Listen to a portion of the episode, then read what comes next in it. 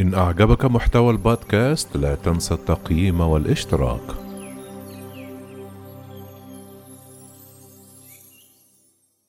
مجلس النواب الأمريكي يطرد نائبة جمهورية متشددة لدعمها نظريات تآمرية.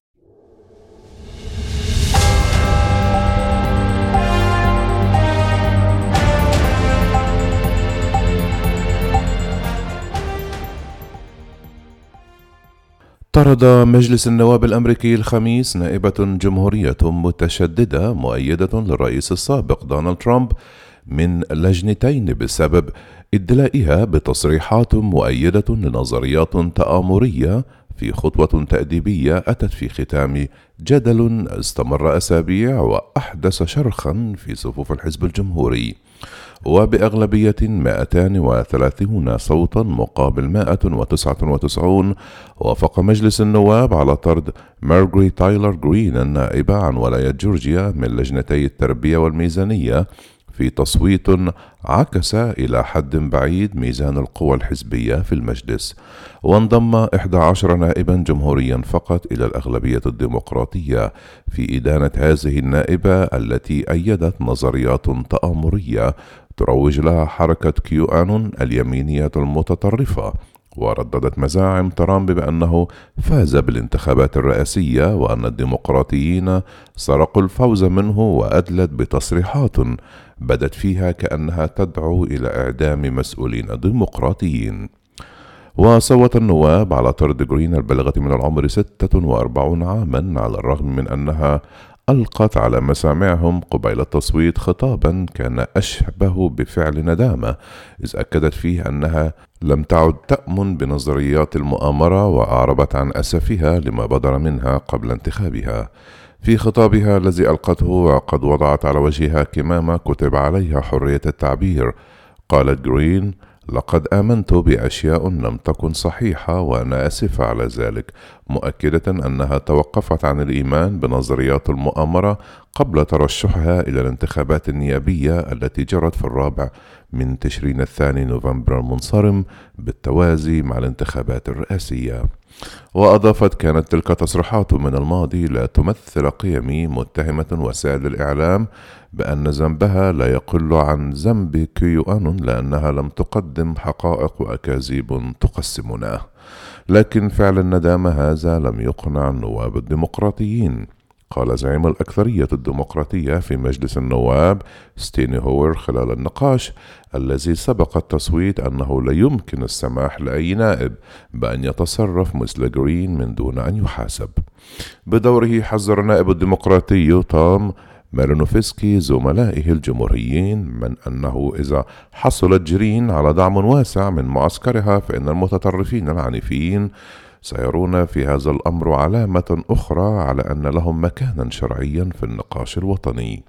لكن الجمهوريين رفضوا هذا المنطق معتبرين أنه لا ينبغي معاقبة زميلتهم على تصريحات أدلت بها قبل دخولها الكونغرس في كانون الثاني من يناير المنصرم قال زعيم الأقلية الجمهورية في مجلس كيفن مكارثي أن لا أحد يؤيد ما قيل قبل أن تصبح جرين عضوا في مجلس النواب.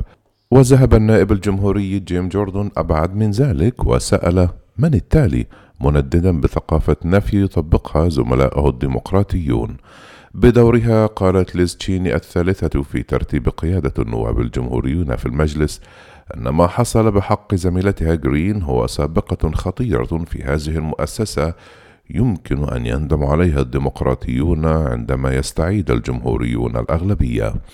في الفترة الأخيرة ارتفعت أصوات تنتقد هذه النائبة وتطالبها بالاستقالة بسبب تصريحات أدلت بها في الماضي وهاجمت فيها أحد ضحايا المجزرة التي شهدتها ثانوية باركلاند وكذلك بسبب تصريحات بدت فيها كأنها تدعو لإعدام الديمقراطيين وقبل انتخابها أبدت جرين إعجابها بتعليق على فيسبوك.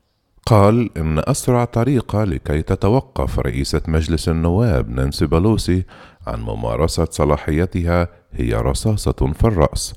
وفقا لشبكة سي إن إن كما قالت أن بلوسي مذنبة بالخيانة العظمى وأن هذه الجريمة يعاقب عليها بالإعدام. وقالت أيضا قبل انتخابها إن حوادث إطلاق النار التي تحدث تكرارا في المدارس الأمريكية هي عمليات مدبرة هدفها تشديد القوانين التي ترعى حيازة الأسلحة النارية وحملها. كانت جرين أعلنت قبل أن تصبح نائبة انتمائها لكيوآنون الحركة اليمينية المتطرفة التي تروج لنظريات المؤامرة وتقول أن ترامب يشن حربا سرية ضد طائفة عالمية من عبدة الشيطان والمعتدين جنسيا على الأطفال. في خطابها الخميس قالت جرين إن حوادث إطلاق النار في المدارس حقيقية قطعا وهجمات الحادي عشر من سبتمبر حصلت حتما لكن من دون أن تقدم أي اعتذار حقيقي وكانت جرين محط هجوم نادر شنه عليها زعيم الجمهوريين في مجلس الشيوخ الأمريكي. السيناتور ميتش ماكونيل الذي وصفها الاثنين بأنها سرطان للحزب الجمهوري. وقال ماكونيل أنه من يعتقد أنه ربما لم تتحطم طائرة فوق البنتاغون في الحادي عشر من سبتمبر وأن عمليات إطلاق النار المروعة في المدارس مدبرة مسبقا. هو شخص لا يعيش في العالم الحقيقي. وأضاف أن جرين بترويجها أكاذيب سخيفة وتمسكها بنظريات المؤامرة هي بمثابة سرطان للحزب الجمهوري. وسارعت النائبة يومها إلى الرد على مكنيل وقالت في تغريدة لها إن السرطان الحقيقي للحزب هم البرلمانيون الجمهوريون الضعفاء الذين لا يسعون سوى فعل شيء واحد أن يخسروا بأناقة وأضاف لهذا السبب نحن نخسر بلدنا. وكشفت هذه القضية عن الشرخ الحاصل في الحزب الجمهوري بين أتباع الملياردير الجمهوري الذي ما زال يحتفظ بنفوذ قوي بعد أن حصد 74 مليون صوت في الانتخابات الرئاسية وأنصار الخط التقليدي. ويضع كل من هذين الطرفين في ميزان حساباته. انتخابات منتصف الولاية في عام 2022 والانتخابات الرئاسية في عام 2024 وكان النائب عن فلوريدا مات جيتس الناطق بلسان الطرف الموالي لترامب حذر عبر شبكة فوكس نيوز الأربعاء من سابقة خطيرة. إذا عاقب مجلس النواب زميلته جرين التي حققت فوزا كبيرا في دائرتها الانتخابية. وقال هذا ما يحاول اليسار فعله يقول أن الشعب الأمريكي ليس مهما.